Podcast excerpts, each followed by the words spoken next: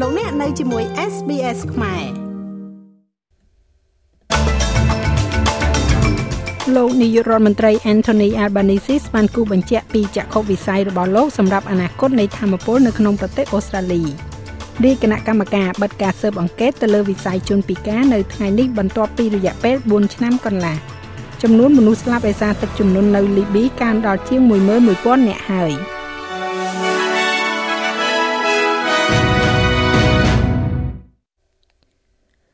លោកនាយករដ្ឋមន្ត្រី Anthony Albanese បានគូបញ្ជាអំពីចក្ខុវិស័យរបស់លោកសម្រាប់អនាគតនៅធម្មពលនៅក្នុងប្រទេសអូស្ត្រាលីហើយបានសន្យាការផ្លាស់ប្តូរទៅកាន់ធនធានស្អាតតម្លៃសមរម្យនិងអាចទុកចិត្តបាន។ លោកនាយករដ្ឋមន្ត្រីបាននិយាយនៅឯវេទិកាធម្មពលអនាគត New Corp នៅទីក្រុង Sydney នៅថ្ងៃនេះអំពីសក្តានុពលសម្រាប់អូស្ត្រាលីក្នុងការក្លាយជាមហាអំណាចធម្មពលកកើតឡើងវិញប្រសិនបើគេធ្វើសកម្មភាពឥឡូវនេះដើម្បីធ្វើឲ្យប្រសើរបំផុតទៅលើការនាំចេញអ៊ីដ្រូសែនបៃតងនិងលីជូមសម្រាប់ថ្មដែលអាចសាកបាន។ រដ្ឋាភិបាលសហព័ន្ធក្រុងនឹងបញ្ចេញយុទ្ធសាស្ត្រធម្មពលថ្មជាតិរបស់ខ្លួនក្នុងរយៈពេលឆាប់ៗនេះដើម្បីបង្កើនការវិនិយោគនៅក្នុងឧស្សាហកម្មនេះជាមួយនឹងការនាំចេញលីជូមរបស់អូស្ត្រាលីត្រូវបានកំណត់ស្មើនឹងតម្លៃនៃការនាំចេញធ្យូងថ្មរបស់អូស្ត្រាលីនៅឆ្នាំ2027-28 លោកនាយករដ្ឋមន្ត្រីដែលរដ្ឋាភិបាលរបស់លោកបានអនុម័តច្បាប់កាត់បន្ថយពន្ធដើម្បីធ្វើឲ្យរថយន្តអគ្គិសនីកាន់តែមានតម្លៃសមរម្យសម្រាប់ក្រុមគ្រួសារអូស្ត្រាលីនោះមានប្រសាសន៍ថាការផ្លាស់ប្តូរទៅជាធម្មពលកកើតឡើងវិញនឹងដកសម្ពាធចេញពីអ្នកប្រើប្រាស់ផងដែរ There's no question that renewables will reduce វាគ្មានអ្វីគួរឲ្យឆ្ងល់ទេដែលថាធម្មពលកកើតឡើងវិញនឹងកាត់បន្ថយថ្លៃចំណាយនោះ ហើយជាមូលហេតុដែលការវិនិយោគនឹងទៅទីនោះគ្មានអ្វីនឹងបញ្ឈប់មនុស្សនៅក្នុងការដាក់ផែនការសម្រាប់ស្ថានីយ៍ធម្មពលខ្ជុំថ្មថ្មីដែលនឹងត្រូវសាងសង់នោះទេក្រៅតែពីទីផ្សារនិងសុភវិនិច្ឆ័យមេដឹកនាំគណៈបកប្រឆាំងលោក Peter Dutton បានគ្រប់គ្រងសមាជិកប្រសិទ្ធិជនជាតិដើមភាគតិច ដែលអះអាងថាការធ្វើអាណានិគមមានឥទ្ធិពលវិជ្ជមានដោយជំរុញឲ្យប្រជាជនអូស្ត្រាលីស្ដាប់លោកស្រីជាជាងស្ដាប់ទស្សនវិជ្ជាទីក្រុងសមាជិកប្រសិទ្ធិគណៈបកសម្ព័ន្ធលោកស្រី Jacinta Nampijinpa Price កំពុងប្រមានថាសម្លេងទៅកាន់សភានឹងបែងចែកប្រទេសជាតិដោយប្រើសុទ្ធសន្ទរកថាក្លឹបសារព័ត៌មានជាតិដើម្បីនិយាយថា គម្លាតរវាងជនជាតិដើមភាគតិចនិងជនជាតិអូស្ត្រាលីដែលមិនមែនជាជនជាតិដើមនោះមិនត្រូវបានបង្កឡើងដោយការរើសអើងជាប្រព័ន្ធឡើយលោកស្រីក៏បានច្រានចោលការលើកឡើងផងដែរដែលថាការធ្វើអាណានិគមរបស់អង់គ្លេសមានផលប៉ះពាល់អវិជ្ជមានទៅលើជនជាតិដើមភាគតិចដែលបណ្ដាលឲ្យមានការប៉ះទង្គិចផ្លូវចិត្តពីគ្នាទៅវិញទៅមក There's no ongoing negative impacts of uh, colonization. វាមិនមានផលប៉ះពាល់អវិជ្ជមានជាបន្តនៃអាណានិគមទេប្រសិនបើយើងបន្តប្រាប់ជនជាតិដើមថាពួកគេគឺជាជនរងគ្រោះនោះយើងកំពុងដកសកម្មភាពរបស់ពួកគេចេញយ៉ាងមានប្រសិទ្ធភាពហើយបន្ទាប់មកផ្ដល់ឲ្យពួកគេនៅការរំពឹងទុកថាមាននរណាម្នាក់ទទួលខុសត្រូវចំពោះជីវិតរបស់ពួកគេ។ មេដឹកនាំបកប្រឆាំងបានសរសើរភាពក្លាហានរបស់លោកស្រីដោយនិយាយថាការអត្ថាធិប្បាយរបស់សមាជិកប្រសិទ្ធភាព Price តំណាងឲ្យទស្សនៈទូលំទូលាយនៅពេលដែលលោកស្រីធំដឹងក្តីឡើងនៅ Alice Spring តែរដ្ឋមន្ត្រីក្រសួងជនជាតិដើមភាគតិចអូស្ត្រាលីលោកស្រី Linda Burney បាននិយាយថាការអត្ថាធិប្បាយរបស់ព្រឹទ្ធសមាជិកលោកស្រី Prince ទៅលើ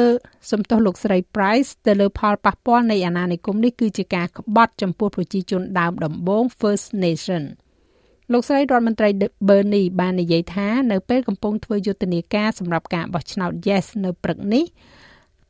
ការអត្ថាធិប្បាយរបស់សមាជិកប្រសិទ្ធិគឺខុសនិងជាការប្រមាថដល់អ្នកដែលរងផលប៉ះពាល់ដល់ភាពអយុត្តិធម៌ជាប្រវត្តិសាស្ត្រដូចជា Stolen Generation ជាដើម។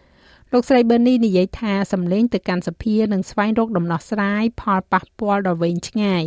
នៃគោលនយោបាយអាណានិគមសម្រាប់ជនជាតិដើមអូស្ត្រាលី និងអ្នកកោះ Torres Strait Things like life expectancy, things like educational outcomes រឿងដូចជាអាយុកាលរស់នៅដូចជាលទ្ធផលអប់រំភាពចង្អៀតណែនអត្រាអ្នកជាប់ឃុំ គឺជាបញ្ហាដែល The Voice នឹងត្រូវដោះស្រាយហើយវាមានសារៈសំខាន់ខ្លាំងណាស់ក្នុងការទទួលស្គាល់រឿងទាំងមូលរបស់ប្រទេសអូស្ត្រាលីលោកលោកស្រីនៅនាងកញ្ញាអាចស្វែងរកព័ត៌មានដ៏ទូលំទូលាយអំពីការធ្វើប្រជាមតិដោយចូលទៅកាន់ portal SPS Why Referendum មានអាសយដ្ឋាន www.sps.com.au/whyreferendum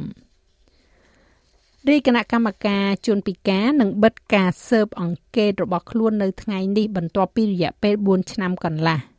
រាយគណៈកម្មការនេះបានបើកសាវនាការជាសាធារណៈចំនួន34លើកចាប់តាំងពីការចាប់ផ្ដើមរបស់ខ្លួន ហើយគេក៏បានស្ដាប់ឮអំពីបទពិសោធន៍នៃការធ្វេសប្រហែសការរំលោភបំពាននិងការកេងប្រវ័ញ្ចលើជនពិការប្រធានគណៈកម្មការលោក Ronald Sackville មានប្រសាសន៍ថារបាយការណ៍ចុងក្រោយរបស់រាជគណៈកម្មការនឹងត្រូវបានដាក់ជូននៅថ្ងៃទី28ខែកញ្ញាហើយលោកអរគុណអ្នកទាំងអស់គ្នាដែលបានចូលរួមចំណែកនៅក្នុងដំណើរការនេះ។ Today provides an opportunity for commissioners and senior council assistants នៅថ្ងៃនេះផ្ដល់ឱកាសមួយដល់ស្នងការនិងទីប្រឹក្សាជាន់ខ្ពស់ទទួលស្គាល់និងឆ្លុះបញ្ចាំងពីការរួមចំណែកដែលមិនអាចខ្វះបានដែលធ្វើឡើងដោយមនុស្សជាច្រើនជាពិសេសជនពិការនិងអង្គការតំណាងរបស់ពួកគេ ចំពោះការងាររបស់យើងនៅក្នុងរយៈពេល4ឆ្នាំ5ខែ។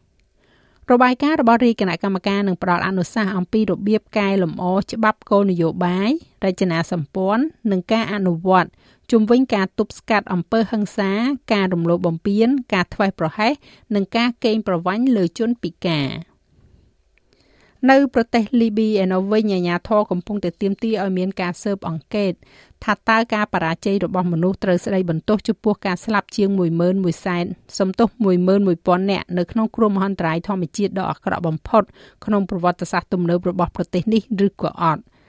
អគ្គលេខាធិការអង្គការឧតុនិយមពិភពលោក WMO លោក Peter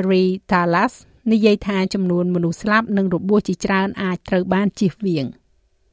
Yes, so so that's that's a conclusion that if they would have been a normally operating នោះហើយជាសេចក្តីសន្និដ្ឋានប្រសិនបើនឹងមានសេវាអូតូនិយមដែលដំណើរការជាធម្មតាពួកគេនឹងចេញការព្រមានហើយអាជ្ញាធរគ្រប់គ្រងគ្រាអាសន្នក៏អាចអនុវត្តការជំនៀសប្រជាជនចេញហើយយើងអាចជៀសវាងការបាត់បង់ជីវិតមនុស្សបានភាគច្រើន ជាការប៉ុណ្ណាយើងមិនអាចជៀសផុតពីការខាតបង់ផ្នែកសេដ្ឋកិច្ចបានពេញលេញនោះទេប៉ុន្តែយើងក៏អាចកាត់បន្ថយការខាតបង់ទាំងនោះបានតិចតួចផងដែរ ដោយការមានសេវាកម្មត្រឹមត្រូវនៅនឹងកន្លែងនាយករដ្ឋមន្ត្រីលីប៊ីលោកអាប់ឌុលអាមីតឌីប៊ីដែលមានមូលដ្ឋាននៅទីក្រុងត្រីប៉ូលី បានទទួលស្គាល់បញ្ហានៅក្នុងការថែរក្សាទំនប់ចំនួន2ដែលបានផ្ទុះឡើង ដែលបណ្ដាលឲ្យមានទឹកជំនន់បំផ្លិចបំផ្លាញនៅក្នុងកិច្ចប្រជុំគណៈរដ្ឋមន្ត្រីលោកឌីប៊ី បាននិយាយថាស្ថានភាពទំនប់ដែលបានបាក់នៅក្នុងព្យុះដ៏ខ្លាំងកាលពីសប្តាហ៍មុនមិនត្រូវបានដោះស្រាយអស់ជាច្រើនទសវត្សរ៍មកហើយលោក Hunter Biden ដែលជាកូនប្រុសរបស់ប្រធានាធិបតីសហរដ្ឋអាមេរិកលោក Joe Biden ត្រូវបានចោទប្រកាន់ពីបទឧក្រិដ្ឋកាលពីថ្ងៃប្រហ័សទី14ខែកញ្ញា ពីបទបោកបញ្ឆោតអ្នកលក់កំភ្លើងឲ្យលក់អាវុធជូនលោកនៅក្នុងការកាត់ទោសជាលើកដំបូងដែលមិនធ្លាប់មានចំពោះកូនរបស់ប្រធានាធិបតីដែលកំពុងតែកាន់អំណាចការចោទប្រកាន់ដែលដាក់នៅតុលាការស្រុក US District Court ក្នុងរដ្ឋ Delaware ដែលបានចោទប្រកាន់លោក Hunter Biden ពីបទឧក្រិដ្ឋចំនួន3ពាក់ព័ន្ធទៅនឹងការនិយាយកុហកអំពីការពិតដែលថាលោកកំពុងប្រើប្រាស់គ្រឿងញៀនខុសច្បាប់នៅពេលនោះដែលនឹងហាមឃាត់ លោកក្រោមច្បាប់មិនអោយកាន់កាប់អាវុធលោក Eric Tucker គឺជាអ្នកវិភាគនយោបាយមួយរូបលោកពន្យល់ពីបទចោទប្រកាន់នេះ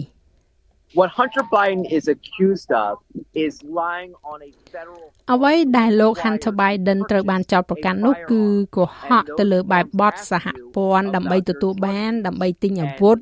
ហើយបែបបទទាំងនោះសួរអ្នកអំពីការប្រើប្រាស់ថ្នាំញៀនរបស់អ្នកហើយការចោទប្រកាន់នោះគឺថាលោក Hunter Biden បានកុហកនៅក្នុងបែបបទនោះដោយនិយាយថាលោកមិនបានប្រើប្រាស់គ្រឿងញៀននៅពេលដែល លោកបានសារភាពដោយបើកចំហរួមទាំងនៅក្នុងសិភៅដែលលោកបានសរសេរអំពីជីវិតរបស់លោកថាលោកពិតជាកំពុងតស៊ូជាមួយនឹងការញៀនកូកាអ៊ីននៅពេលនោះនៅឯប្រទេសកម្ពុជាវិញលំហាត់វឹកវើប្រតិបត្តិការពហុជាតិនៅទីលានសកម្មភាពមិនមនុស្សធម៌ក្នុងក្របខ័ណ្ឌកិច្ចប្រជុំរដ្ឋមន្ត្រីការពារជាតិអាស៊ានបូកបានបើកជាផ្លូវការកាលពីថ្ងៃទី13ខែកញ្ញា លំហាត់វឹកវើក្រោមប្រធានបទមាតុភូមិដ៏បវរឆ្នាំ2023ធ្វើឡើងក្នុងគោលបំណងផ្លាស់ប្តូរបទពិសោធន៍គ្នាទៅវិញទៅមកដោយមានកងកម្លាំងប្រមាណជា450នាក់មកពី14ប្រទេសចូលរួមនៅក្នុងពិធីបើកលំហាត់វឹកវើលោកនាយឧត្តមសេនីយ៍សែមសវណ្ណីអគ្គនាយកមជ្ឈមណ្ឌលជាតិរក្សាសន្តិភាពបានបញ្ជាក់ថាលំហាត់វឹកវើនេះធ្វើឡើងមានគោលបំណងផ្លាស់ប្តូរបទពិសោធន៍រវាងគ្នាទៅវិញទៅមក ជាពិសេសបង្កើនចំណងសាមគ្គីភាពមិត្តភាពរវាងប្រទេសក្នុងអាស៊ាននិងតំបន់គឺវឹកវើដើម្បីបង្កើនសមត្ថភាពធ្វើឲ្យសមត្ថភាពអ៊ីប្រសើរឡើងឲ្យសមស្របទៅនឹងការស្ថានភាពបច្ចុប្បន្នសមស្របទៅនឹងភូមិសាស្ត្រដែលយើងកំពុងបេសកកម្មទាំងនៅក្រៅប្រទេសឬក្នុងប្រទេស ចាស់លោកមេងផល្លានឹងជូនសេចក្តីរាយការណ៍លំអិតនៅវគ្គក្រោយជាបន្តទៀតឬលោកអ្នកអាចចូលស្ដាប់របាយការណ៍ពេញលើគេហទំព័ររបស់យើងនោះគឺ sbs.com.au/ ខ្មែរ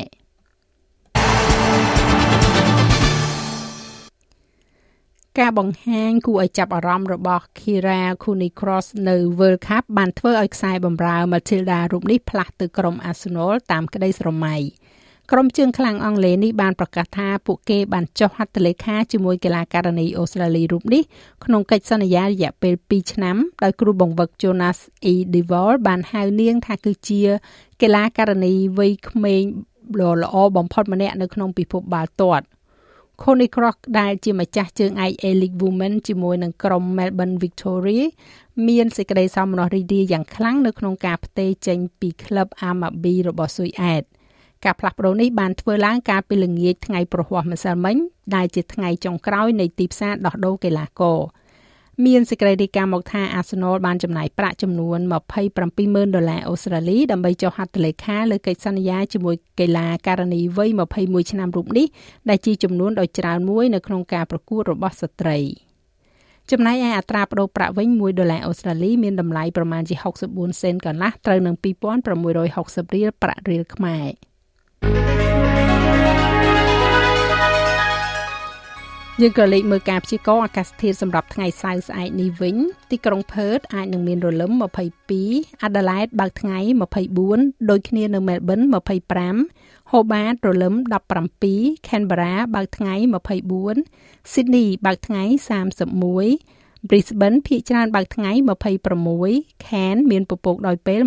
27 Darwin បើកថ្ងៃល្អ33ភ្នំពេញ មានផ្គររលឹម32